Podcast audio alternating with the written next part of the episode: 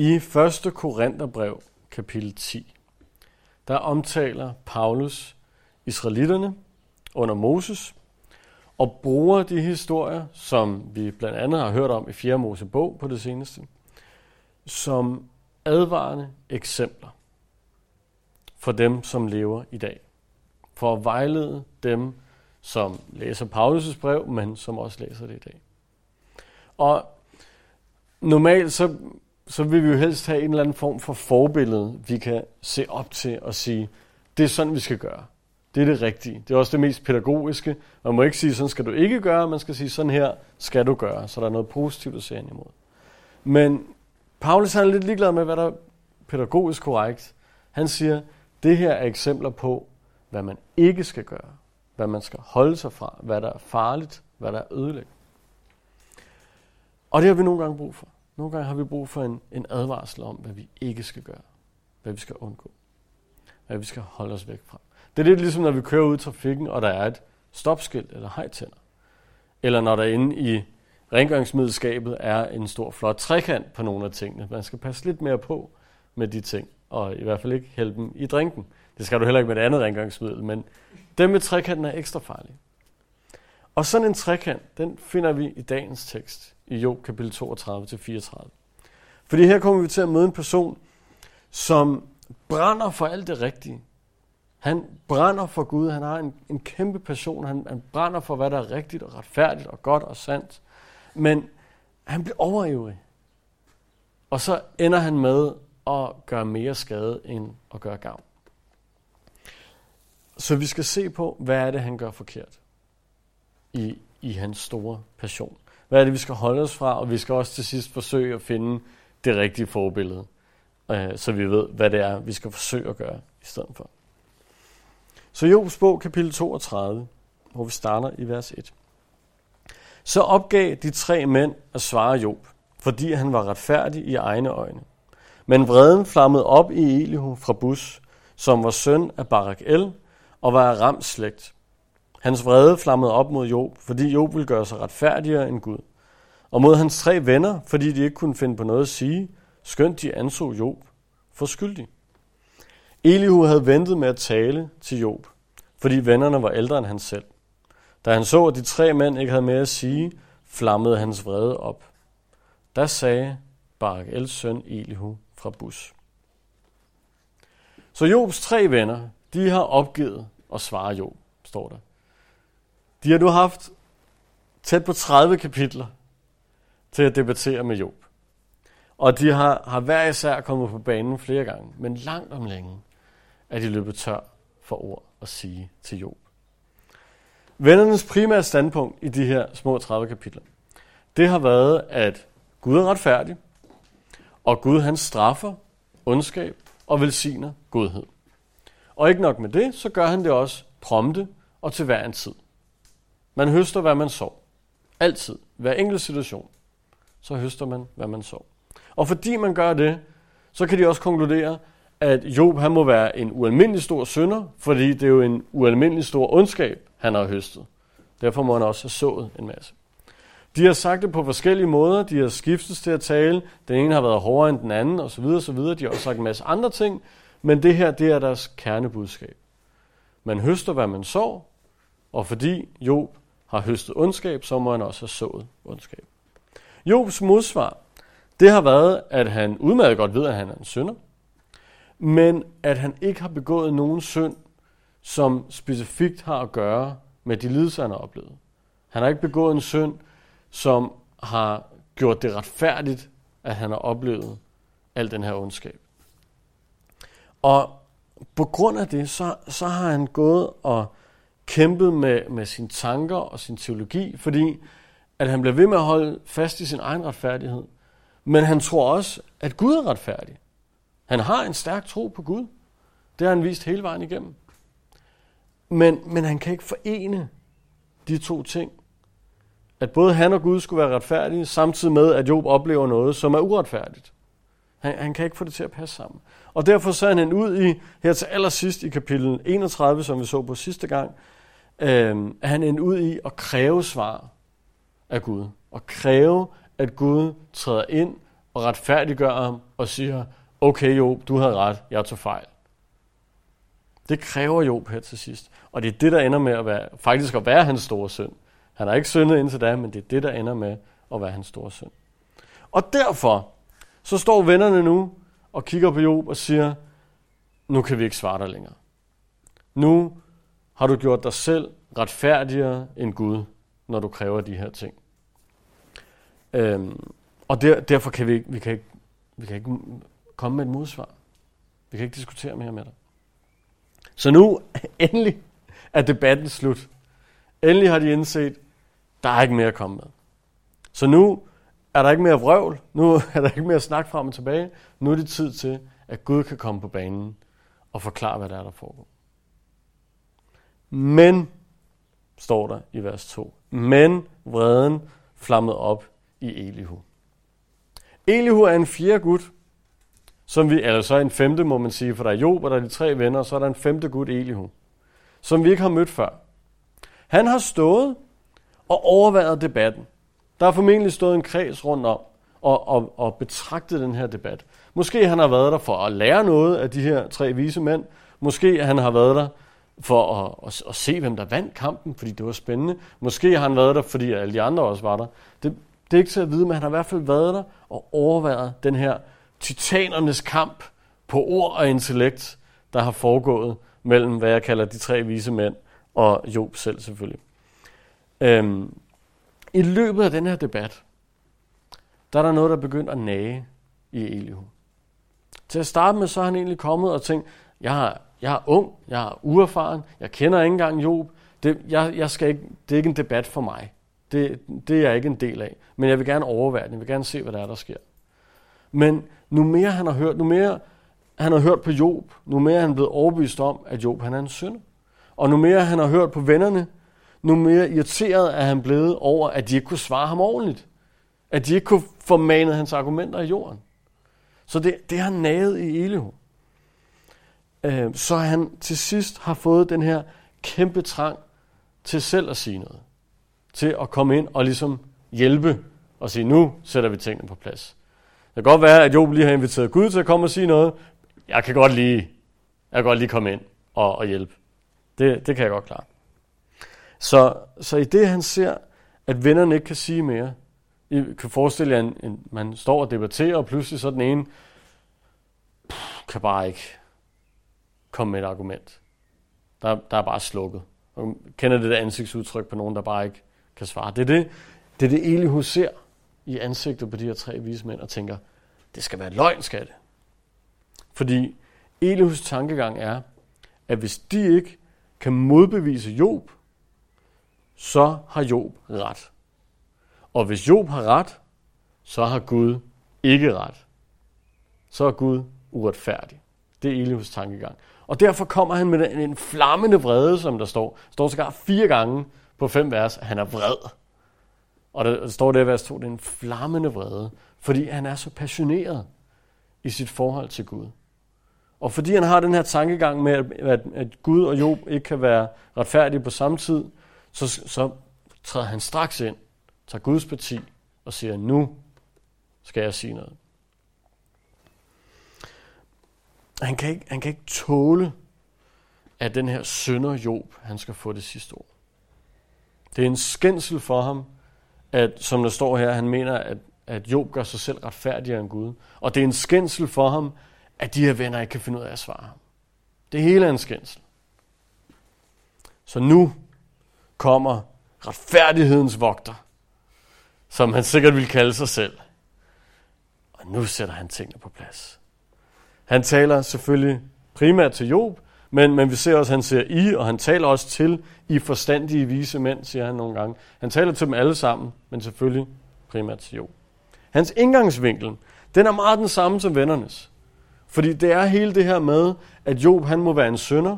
Han tror også på det her med, at man høster, hvad man sår til hver en tid. Øhm, så så han, han, han kommer til at gentage mange af de samme ting som vennerne, fordi han mener det samme. Øhm, men han mener også, at han har noget at tilføje.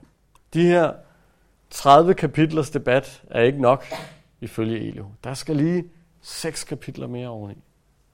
Verdens visdom følte man ellers for et par gange siden var, var ved at være udtømt. Der var ikke mere at komme med. Men Eliu, han, han skal lige vride det sidste ud af den. Og det, der ender med at blive Elius problem, det er, at hans indstilling til det her med Job og den her retfærdighed, den er forkert. Øh, fordi som sagt, han, han er overbevist om, at han er nødt til at pille Job ned. Fordi der kan ikke både være Job og Gud heroppe på det retfærdige stadie. Han er nødt til at få pillet Job ned, ligesom vennerne prøvede på. Han, han, han, kan ikke, han kan ikke få det til at passe sammen, at, de godt begge to kan have ret. Både Job og Gud på samme tid. Øhm, og derfor, ligesom vennerne, så kommer han med en masse god teologi, fordi han har hovedet nogenlunde skruet på, ligesom vennerne også har det. Han kommer med en masse god teologi, men det, det passer bare ikke ind i konteksten, fordi at det bliver det her angreb på Job, ligesom vennerne gjorde. Så med alt det, lad os så se på, hvad det er, Elihu har at sige fra vers 6. Der sagde Barak Els søn, Elihu fra Bus, Jeg er ung, og I er gamle. Derfor holdt jeg mig frygtsomt tilbage fra at give jer del i min viden. Jeg tænkte, lad alderdommen tale, lad den høje alder forkynde visdom. Men det er den ånd, som er i mennesket, den almægtiges ånde, der giver dem indsigt. Det er ikke fordi, de er til års, at de er vise. Det er ikke fordi, de er gamle, at de ved, hvad ret er. Elihu ligger godt ud. Han starter med at understrege, at han lige holdt sig tilbage i ærefrygt, fordi de gamle skulle have lov til at tale først. Der står ikke, hvor meget ældre de er, eller hvor gamle de er, men, men han viser respekt ved at lade de ældre tale først. Han har samtidig også den overbevisning, at det er ikke nødvendigvis alderen, det kommer an på. Det er ikke antallet af grå hår, der viser, hvor klog du er, eller antallet af hår generelt, der viser, hvor klog du er. Det, det har ikke noget med det at gøre, fordi du kan jo sagtens være blevet gammel, uden at være blevet klogere, desværre. Og du kan også sagtens være ung og være klog. Det, det handler om, er, bor Guds ånd i dig? Det er det, han siger her. Og det mener han, at Guds ånd gør i ham. Og derfor har han nu taleret. Og vi, vi må lige starte med at give Elihu et skulderklap her, for jeg kommer til at være efter ham i de næste seks kapitler. Så vi starter lige med at give ham et skulderklap. Uh, Elihu gør ret i at ære og respektere de ældre. Igen, der står ikke, hvor meget ældre osv. osv., men jeg tror godt, I ved, hvad jeg mener. Det kan godt være, at samfundet i dag er på vej i en anden retning, men jeg tror, det er godt og rigtigt at ære og respektere de ældre i samfundet. Og om det lige er, at de får lov til at tale først, eller man rejser sig i bussen, eller hvad end det er, det er nok din egen samvittighed, der kan fortælle dig det. Men jeg tror, det er godt og sandt. Paulus han skriver til Timotius, at han i menigheden skal behandle de ældre som fædre og som mødre. Det vil sige med respekt og med omsorg. Det kan godt være, at Timotius som pastor er, er over på, på en eller anden vis, er, er over resten af menigheden, og dermed også dem, der er ældre om ham selv, fordi han var meget ung. Men derfor skal han stadig behandle dem med respekt og med omsorg. Øhm, samtidig har Elihud jo også ret i den anden pointe, nemlig at man ikke automatisk bliver klog, bare fordi man er ældre. Men det afhænger af, om man har Guds ånd i sig. Øh, så, så lad os lige give ham det klap på skulderen og sige, jamen, det, vi kan, vi kan, eller bør kunne modtage visdom fra alderen hver, selv et barn, hvis det er Guds ånd, der taler. Og, og han, han kommer her som, som en eller anden form for, for undermåler. Han, han er ung og uerfaren og siger, jeg kan også tale. Det, det har du sådan set ret i, Elihu, hvis det altså er Guds ånd, der taler igennem dig. Og efter den lille introduktion, så følger en lidt længere introduktion, som Elihu han giver sig selv, hvor vi får en, en lille forsmag på, hvem Elihu er for en Gud. Fra vers 10. Derfor siger jeg, lyt til mig. Nu vil jeg give jer del i min viden. Jeg ventede spændt på, hvad jeg havde at sige, lyttede efter, om I var forstandige, om I havde tænkt jeres ord igennem. Jeg gav agt på jer, men ingen af jer kunne i rette sætte Job eller gendrive hans ord. Sig nu ikke, vi fandt visdom hos ham. Intet menneske kan slå ham af marken, kun Gud. Hans ord var ikke henvendt til mig, og jeg vil ikke svare ham, som I har gjort. De er skrækslagende, de kan intet sige, for dem er ordene sluppet op. Skal jeg da vente, når de ikke taler? Når de står der og ikke har mere at sige? Det er selvfølgelig vennerne, han taler om. Nej, nu vil jeg tage til ord. Også jeg vil meddele min viden. Ordene hober sig op i mig. Ånden i mit indre driver mig. Mit indre er som vin, der ikke er lukket op for. Som ung vin i sække, der er ved at springes. Jeg må tale, jeg må have luft. Jeg vil åbne munden og tage til ord. Jeg vil ikke gøre forskel på folk. Jeg vil ikke smire noget menneske. Jeg kender ikke til at smire, for så vil min skaber snart rive mig bort. Det Elihu siger her på 13 vers, det er, at han gerne vil sige noget. Det, det er nogenlunde det, han formår at kommunikere på 13 vers. Han beskriver, som vi allerede så der i starten, at, at han har ventet, han har jagtet debatten, men nu er han nødt til at tale. Fordi at vennerne ikke kan svare om. Han, han får lige hånet dem også. Det er trods alt lidt mere end bare at sige, at jeg gerne vil sige noget. Han får lige hånet dem, fordi de ikke kan besvare jo. Øh, så, så den her respekt, han lige havde vist før ved at vente, den har han fuldstændig kastet væk nu, hvis jeg bare håne dem, i stedet for når først han begynder at tale. Lidt ligesom vi så med vennerne, at de startede med at komme forsigtigt til Job og, og lade ham få noget tid til at sørge og lade ham tale først og så videre. Og da de så fik lov til at tale, så kunne de stille og roligt gå i gang og så bare spark til Job, mens han lå ned. Ikke? Så, så den her indledende respekt, den, den er på en eller anden måde væk rimelig hurtigt. Men udover at han lige forhåbnede dem, så siger han ikke så meget. Øh, han vil gerne til at sige noget. Han beskriver, hvordan øh, der står ordene, de hober sig op i ham. Øh, og det er som, som ny vin, som bare skal ud af den her øh, lædersæk, som de, de måtte være nede i, som, som er ved at sprænges, fordi han skal, åh, han skal bare have, han skal have det ud. Han skal have luft. Og det, det fortæller os lidt om, hvad det er for en fyr, vi har med at gøre.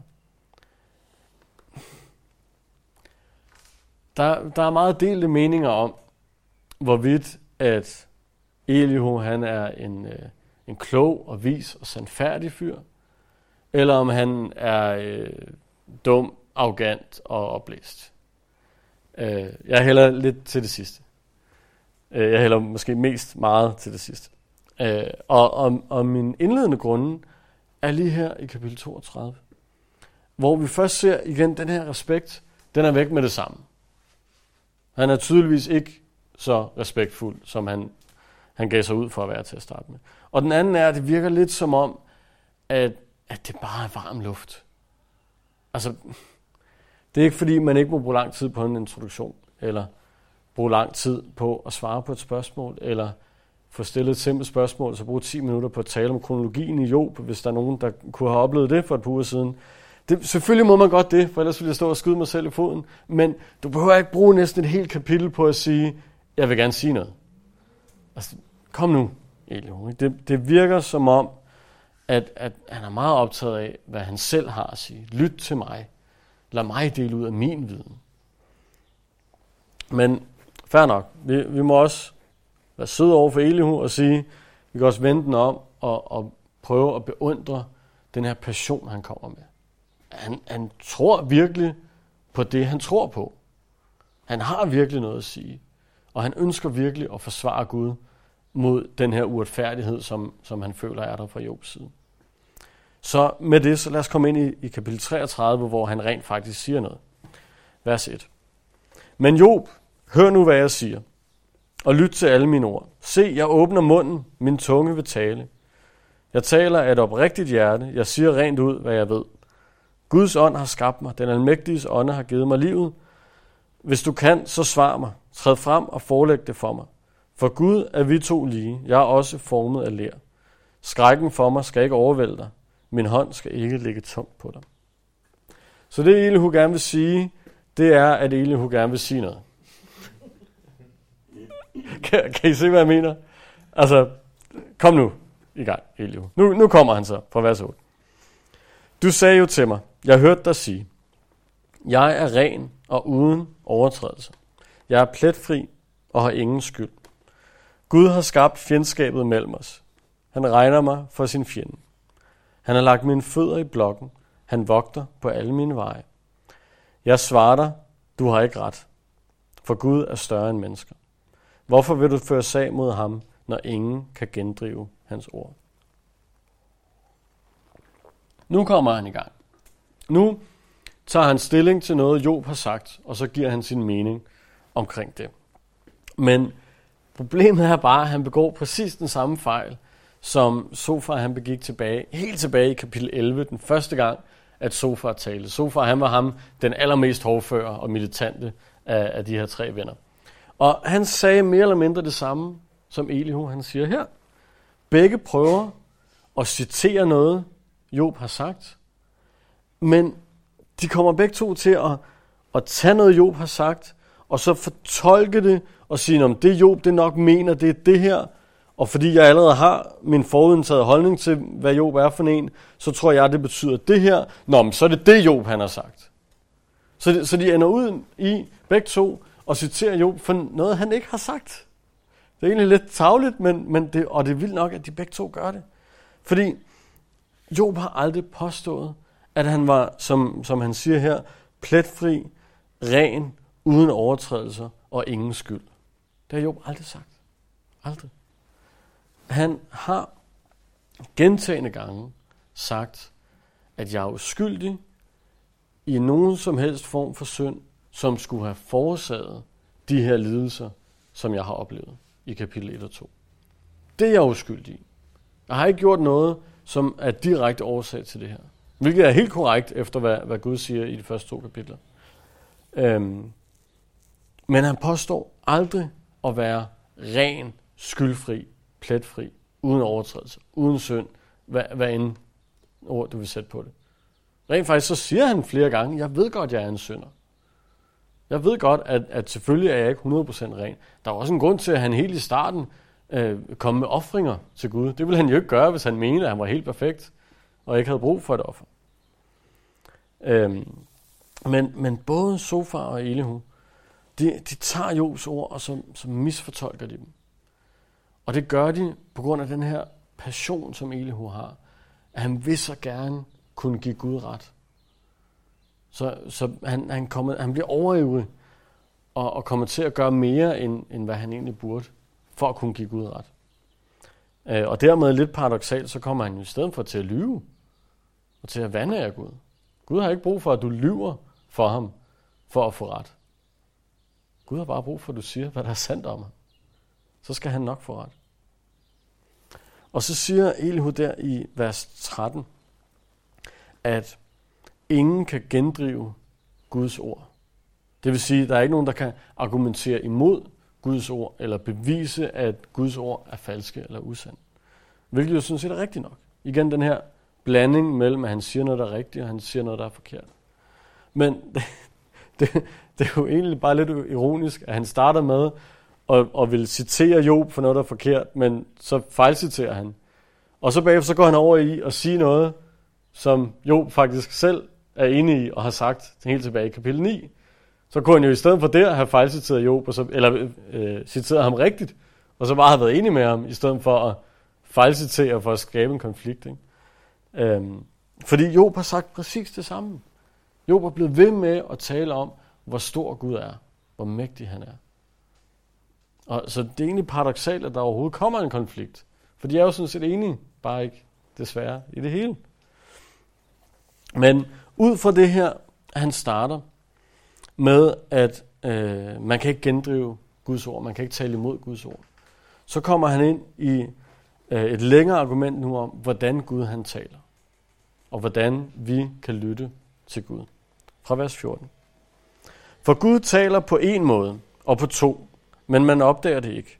I en drøm, i den nattesyn, når mennesker er faldet i dyb søvn. Når de ligger og sover, der taler han til dem, advarer og skræmmer dem, for at få dem til at afstå fra deres gerninger. Han tilindegør mandens hovmod. Han skåner dem for at gå i graven, for at krydse dødens flod.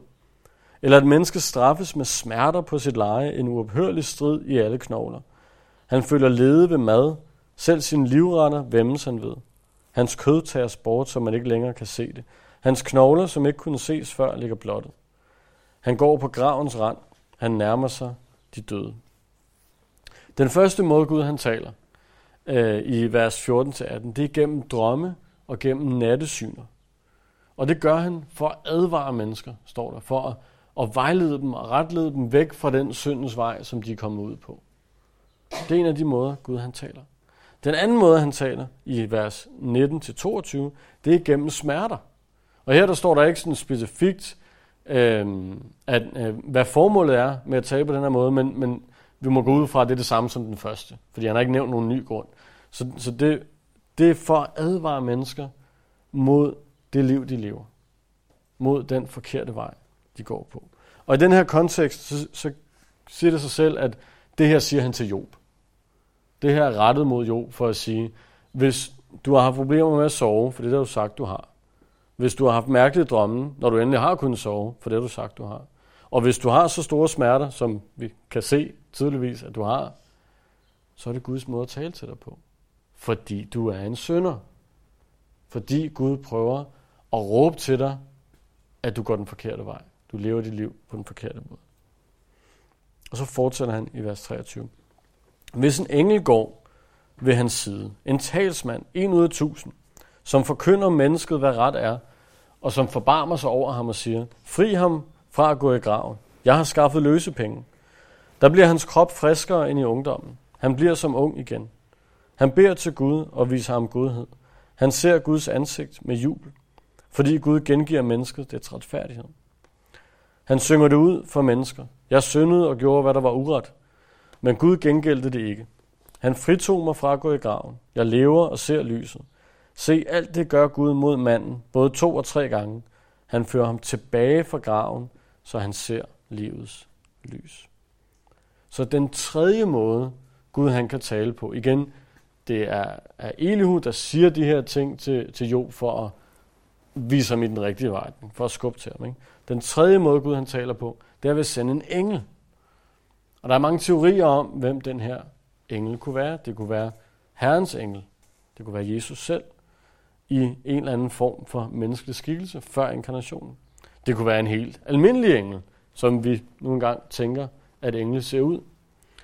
Øh, men det kan også bare være et helt almindeligt menneske, fordi det her ord for engel, som typisk oversættes engel, det kan også bare oversættes til budbringer. Det behøver ikke nødvendigvis at være en åndelig skabning. Øh, så, så det er svært at vide, hvad det er, han mener her. Igen, der er mange teorier. Jeg hælder mest til den sidste, nemlig at det, det bare er et menneske. At, at det Elihun siger, det er, at hvis et menneske går ved hans side, altså ham, som er en sønder, øh, så kan han være en talsmand, som forkynder mennesket, hvad ret er. Og så kan han forbarme sig over ham og sige, fri ham fra graven, og så videre, så videre, som man siger. Øhm, så, så den her person, måske han taler om sig selv, som kommer og ret, retleder jo, øhm, den her person, han taler først og fremmest, ligesom de to andre måder, nemlig advarer mod synd, advare mod den vej, jo er, er på vej i. Men han taler også på en særlig måde, fordi han, han kan, det er som om, at han kan bede på vegne af Gud. Han kan, øh, på vegne af Job til Gud. Han kan gå i forbøn og sige til Gud, fri ham fra at gå i graven. Jeg har skaffet løsepenge. Og selvom det her, jeg har skaffet løsepenge, og det er en, en engel, udefinerbar, måske herrens engel, måske ikke, hvad ved jeg, det, det er nemt at kunne tænke, okay, en som måske er Jesus i det gamle testamente, taler til en sønder og siger, jeg har skaffet løsepenge. Altså det lyder næsten for godt til at være sandt, hvis man lige drejer ordene på den rigtige måde. Øhm, det kunne hurtigt relateres til Jesus. Det kunne hurtigt relateres til korset. Det kunne hurtigt relateres til de gange, Job han har sagt, at jeg har et vidne i himlen. Eller jeg mangler en forløser. Jeg mangler en maler. Det har han sagt flere steder. Gå kunne hurtigt sættes op med det. Og det er der også rigtig mange, der gør. Men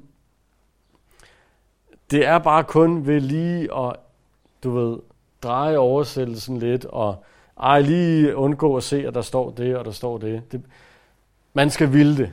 Og det kan jeg godt forstå, at folk vil. Det, jeg tror ikke, at det er ond vilje at, at gøre det mere.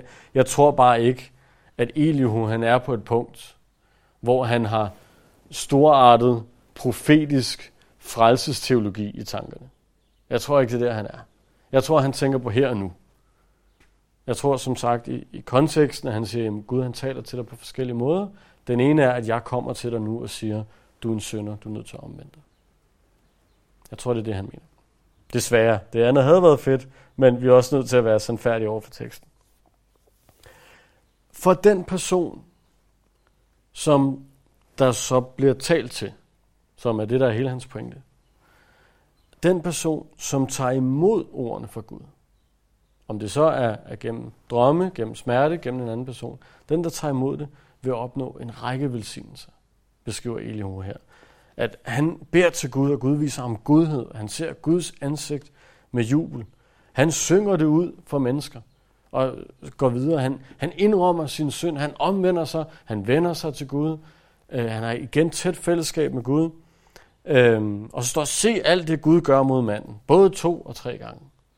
En række af velsignelser over den mand, som omvender sig fra sin synd til Gud og lytter til de her ord fra Gud.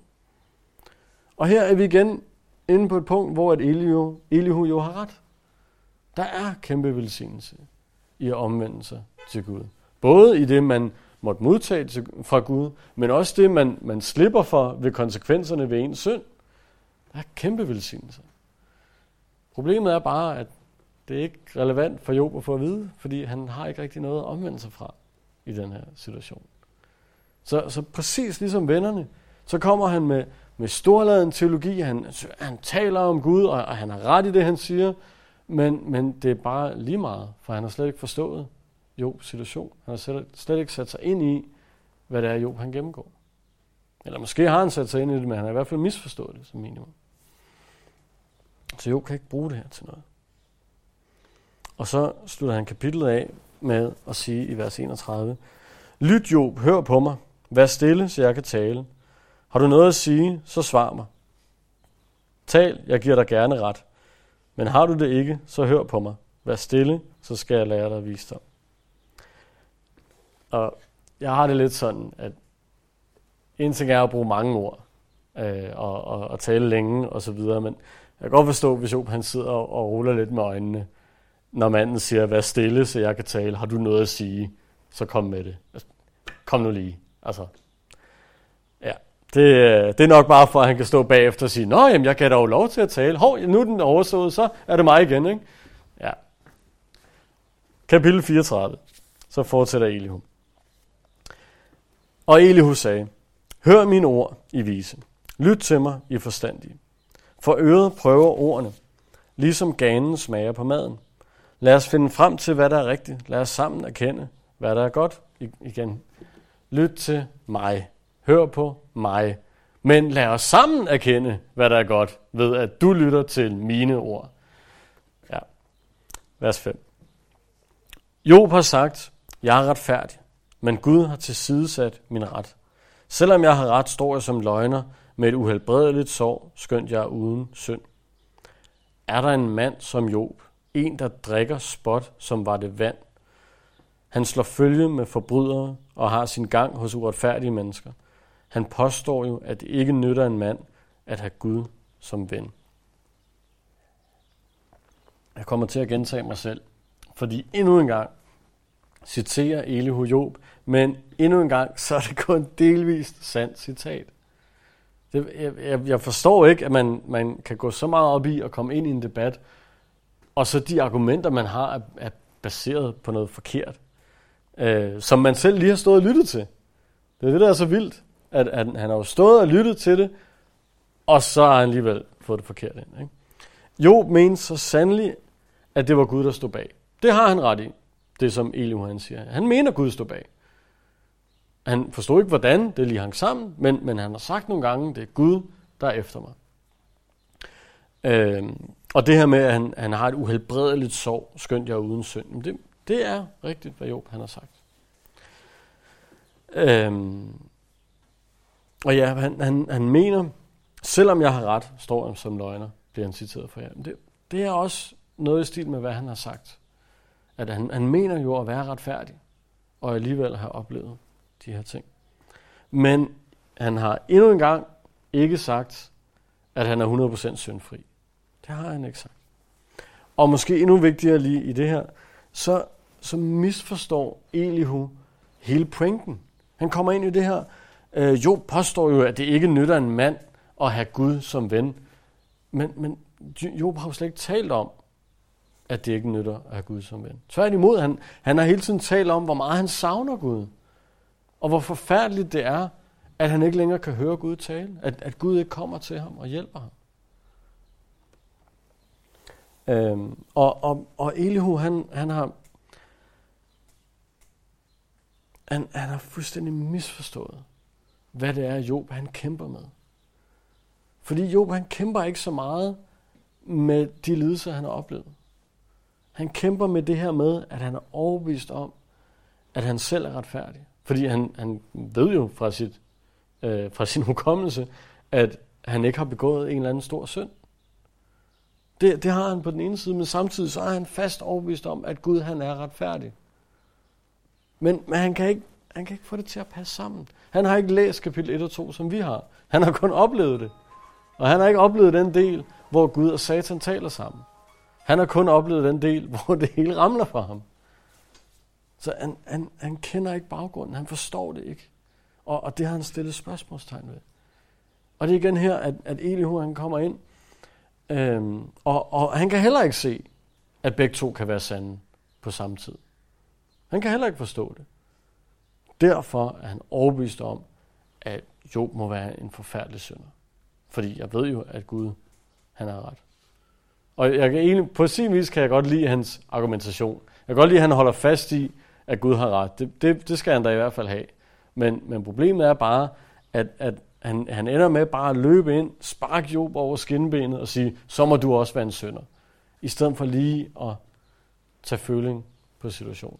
Se, hvad der er, der foregår. Prøve at forstå det, som de tydeligvis slet ikke kan forstå, nogen af dem.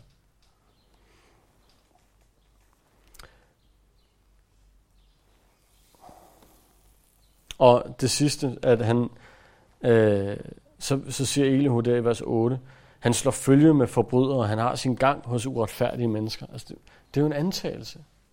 Er der en mand som Job, der er en, der drikker spot, som var det vand? Altså det er hele tiden en, en, en overfortolkning af, at jeg, jeg er overbevist om, at han må være en sønder, jamen så bekræfter jeg bare mig selv i det, ved at, at beskrive noget, som Job han kunne have gjort, uden at, at have bevis for det. Ikke? Vers 10. Men hør på mig, I forstandige.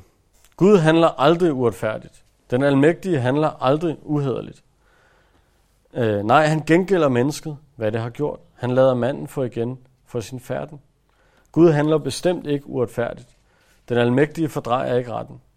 Hvem har givet ham ansvaret for jorden? Hvem har overladt ham hele verden? Hvis han kun havde tanke for sig selv, hvis han tog sin livgivende ånd tilbage, der ville alt levende omkomme og mennesket blive til jord igen. Elio han formår her at sige noget, uden sådan rigtigt at sige noget. Uh, han, er, han er så passioneret for at tale Gud op, for at ære Gud. Men, men der er bare ikke rigtig nogen, der har betvivlet det, som han siger. Hvor, hvor, hvorfor så sige det? det? Det er slet ikke emnet. Både Job og de tre vise mænd er blevet ved med at tale om det her med, at Gud han er retfærdig, Gud han er skaberen, Gud han er almægtig. Så, så han, han kommer slet ikke med noget nyt, Elihu. Igen, det, problemet er ikke, om Gud er retfærdig, problemet er, hvordan får vi det til at hænge sammen med, at Job også er det. Det, det er fuldstændig irrelevant, det Elihu han kommer med. Og så fortsætter han i en, en lidt længere tekst fra vers 16. Hvis du har forstand, så hør. Lyt til det, jeg har at sige. Kan en, der hader retten, være hersker? Kan du dømme den retfærdige og mægtige skyldig? Han, som kalder en konge nederdrægtig og fyrster uretfærdig. Han, som ikke tager parti for stormænd og ikke udmærker rig for fattig, fordi de alle er hans hænders værk. De dør pludseligt midt om natten. Folk rystes og forsvinder. Mægtige må vige, og det er ikke for menneskehånd. Gud har en mands veje for øje. Han ser hvert skridt, han tager. Der er hverken mulm eller mørke, som de onde kan gemme sig i. Gud behøver ikke fastsætte et tidspunkt, hvor mennesket skal træde frem for ham i retten. Uden forhør knuser han mægtige mænd og indsætter andre i deres sted. Ja, han gennemskuer, hvad de gør. En nat bringer han ødelæggelse, så de knuses. Han giver dem stokkeslag i al offentlighed, som om de var skyldige. Det er fordi, de ved fra ham og aldrig gav agt på hans veje. Det fik de svage til at skrige til ham. Han måtte høre de hjælpeløse skrig. Men hvem kan erklære ham skyldig, hvis han er tavs? Hvem kan I agtage ham, hvis han skjuler sit ansigt?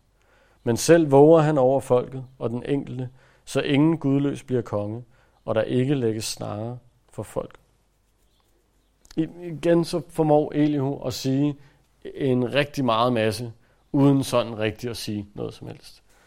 Øhm, han, han beskriver, hvordan Gud han holder øje med alle mennesker. Han, han kigger, om de handler godt eller ondt. Igen den her tanke med, at han straffer og velsigner med det samme, når han ser godhed og ondskab i verden. Og han er stand til at knuse de her onde mennesker og øh, rejse konger op og tage dem ned igen, hvis det skulle være det, han havde lyst til. Men det er igen bare en gentagelse af, hvad vennerne allerede har sagt flere gange. Øh, og da de sagde det, så var det også bare en, både en gentagelse af, af hinanden, og fuldstændig irrelevant, fordi det har ikke noget med sagen at gøre. Og, og hver gang de har sagt det, så har Job også bare trukket lidt på skuldrene, og så talt videre om noget andet. For det er ikke det, det handler om. Og det, det er vildt, at han står nu her, den, den kloge, vise Elihu, efter 30 kapitler, og så gentager noget irrelevant. Ikke? Øh, og, og måske er så også, øh, jeg er blevet sur på Elihu, og så bygger det bare ovenpå, men, men, men, men det, det er jo derfor, at jeg ikke tror, at Elihu er en Gud, som, som har ret, som er, er sandfærdig. Fordi det, det er bare tom luft, det meste af det, han kommer med. Vers 31. Hvis man siger til Gud, jeg er kommet på afveje, men vil ikke mere volde ondt. Hvad jeg ikke har set, skal du belære mig om. Har jeg begået uret, vil jeg holde op med det. Mener du så, at han skulle gøre gengæld, når du viser foragt? Det er dig, der skal vælge, ikke mig, så sig, hvad du foretrækker. De her vers er nok nogle af dem, hvor jeg stødte allermest på grund i, i hele Jobs bog. Der gik jeg virkelig i stå og anede ikke, hvad, hvad det betød. Det er åbenbart også rigtig svært at oversætte. Der er mange uenigheder om det. Men jeg tror, det betyder noget i stil med, at Elihu, han synes, at Job, han burde sige vers 31 og 32 til Gud. Han burde gå til Gud og sige, jeg er kommet på afveje, jeg vil gerne vende mig om til dig igen. Jeg, jeg er en sønder, jeg omvender mig. Øh, hvis jeg er begået uret, så vil jeg gerne holde op med det. Og hvis han så ikke gør det, så siger Elihu til Job, vers 33, mener du så, at han skulle gøre gengæld, når du viser foragt? Mener du, at han skulle behandle dig godt, hvis du er en synder, som ikke vil omvende dig, hvis du ikke vil sige det her? Og det er svært at læse præcis ud af versene, men nu har jeg læst flere forskellige oversættelser. Det, jeg, jeg tror, det er nogenlunde øh, det, han mener. Øh, bør Gud virkelig behandle dig godt, hvis du bare viser foragt overfor ham? Og vers 34. Vise mænd, der hører på mig, forstandige mænd vil sige til mig, Job taler ikke med kundskab. Der er ingen indsigt bag hans ord. Giv Job til stadighed måtte blive ramt af prøvelser. Han svarer jo som et ondt menneske. Han føjer nye overtrædelser til sin søn. Han klapper hånligt af os. Han bruger mange ord imod Gud. Gid Job til stadighed måtte blive ramt af prøvelser. Så, så det Elihu, han, han er kommet frem til, det han, han slutter med her i aften, det er, at Job har tydeligvis ikke oplevet smerte nok, fordi så ville han jo have omvendt sig fra sin søn. Det tror jeg bare, vi kan lade stå alene, at han ikke skulle have oplevet smerte nok. Nej, vi, vi kan lige sætte det sammen. Så kan det stå sammen med det sidste, han siger, nemlig at Job bruger mange ord imod Gud. Så kan vi ligesom lade de to statements stå sammen. Vi er efterladt lidt med, med et indtryk af en mand, hvis sjæl er i brand for Gud. Og, og, og det er egentlig en smuk ting. Han, han brænder virkelig for at tale Guds sag. Han vil gerne. Han gør alt, hvad han kan for at retfærdighed, retfærdiggøre Gud. Også selvom jo, eller Gud ikke har brug for at blive retfærdiggjort af noget menneske. Men han, han gør alt, hvad han kan for at tale Guds sag. Men vi står samtidig med et indtryk af en mand med et koldt og frysende hjerte, som ikke ser Job for den han er, som ikke, som ikke ser, sætter sig ind i Jobs problemstilling. En mand uden omsorg, uden barmhjertighed, uden medfølelse. Intet forsøg på at forstå, hvad der er, der foregår. Det er bare sandhed, teologi, ingen kærlighed. Og det er det, der er advarselstrikanten for os i aften. Vi skal være lige så passionerede som Elihu. Vi, vi skal brænde for Gud. Vi skal ønske at tale sandheden og tale hans ord selv i et samfund, selv i en generation, som hader at høre på det. Vi skal stå fast på, hvad der er sandt. Vi skal sige det hele, selvom folk ikke gider at høre på det. På den måde skal vi gøre ligesom Elihu. Men vi skal så sandelig ikke falde over i den grøft, hvor vi gør det uden kærlighed. Begge dele er centrale. Vi må ikke falde i, i nogen af grøfterne, så at sige. En pastor og bibelkommentator, Warren Wiersbe, som sagde, at sandhed uden kærlighed er brutalitet. Det er Elihu. Og kærlighed uden sandhed er hyggeleri. Så hvis du, hvis du bare elsker en person, men ikke fortæller dem, for eksempel, at de er, de er på vej i den forkerte retning med deres liv, så er det bare hyggeligt, så hjælper det jo ikke noget. Og en anden pastor, Tim Keller, han har sagt, at kærlighed uden sandhed er sentimentalitet, som støtter os og bekræfter os, men holder os i vores benægtelse af vores fejl. Så vi, vi bare bliver ved med at gå rundt i den tro, om alt er godt, fordi ham der, han giver mig jo, kan, ham pastoren derop, han siger en masse kærlige ting. Men sandheden uden kærlighed er hårdhed, som giver os information, men på en måde, som gør, at vi ikke rigtig kan høre det. Det er den anden grøft. At, at vi bare kaster sandhed ud, men ikke gør det på en kærlig måde. Ikke formår at tale til den specifikke person, der lytter. Og så kan det godt være, det er rigtig information, ligesom Elihu kommer med. Det kan godt være, det er sandt, men, men hvis det ikke er relevant i konteksten, så hvis vi ikke formår at give det til personen på en måde, som de kan høre det, så kan det jo være lige meget. Så begge grøfter er farlige. Elihu, han står som sandelig som en repræsentant for den ene. Han havde en masse teologi og sandhed, men han manglede kærlighed. Og hvis vi skal se hen imod noget, for det skal vi, for det er nu engang nemmere at se hen imod noget, i stedet for at se væk fra noget, så kan det være bare, at vi får øje på noget andet, vi ikke skal kigge på. Hvis vi skal se hen imod noget, så se på, hvordan Jesus han behandler mennesker. Se, se på, hvordan han på intet tidspunkt går på kompromis med sandheden. Det bedste eksempel er måske øh, kvinden, der er taget i utroskab og er ved at blive stenet. Der er jo på intet tidspunkt, hvor han siger, nej, nej, det er fint nok. Det, det er jo ikke synd. Det er okay. Nej, ham den anden ville jo også gerne være med, så så længe I var enige om det, så, så er det fint nok. Nå, men I havde jo kondom på, så, så gør det jo ikke noget. Det, intet er sådan noget, siger han. Men samtidig viser han forståelse og kærlighed over for et menneske, som har brug for begge dele. Både sandheden og kærligheden. Se hen mod det. Og, og husk på, at der står om Jesus i Johannes kapitel 1, at gennem ham kom både nåden og sandheden. Både barmhjertigheden og kærligheden, og så sandelig også sandheden. Lad os bede. Herre, tak, at du giver os begge dele. At du ikke ignorerer de problemer, der er, men samtidig, at du, at du stiger ned til os. Hvilket billede, at, at, at du blev som os. Du blev et menneske for at kunne give os både nåden og sandheden på en måde, som, som vi kunne forstå den. På en måde, hvor at, at vi kunne tage imod den. Herre, tak, at vi kan lære fra Elihu, selvom han måske ikke er stolt over det den dag i dag. Øhm, selvom, selvom det ikke er med hans gode vilje, så kan vi lære det her eksempel. Og her vi beder, at, at du må undervise os, at du må vise os helt præcis, hvordan vi kan vise både kærlighed og give sandhed til de mennesker, der har brug for det i den her verden. Priser dig, Jesus, og ønsker at ære og tilbede dig.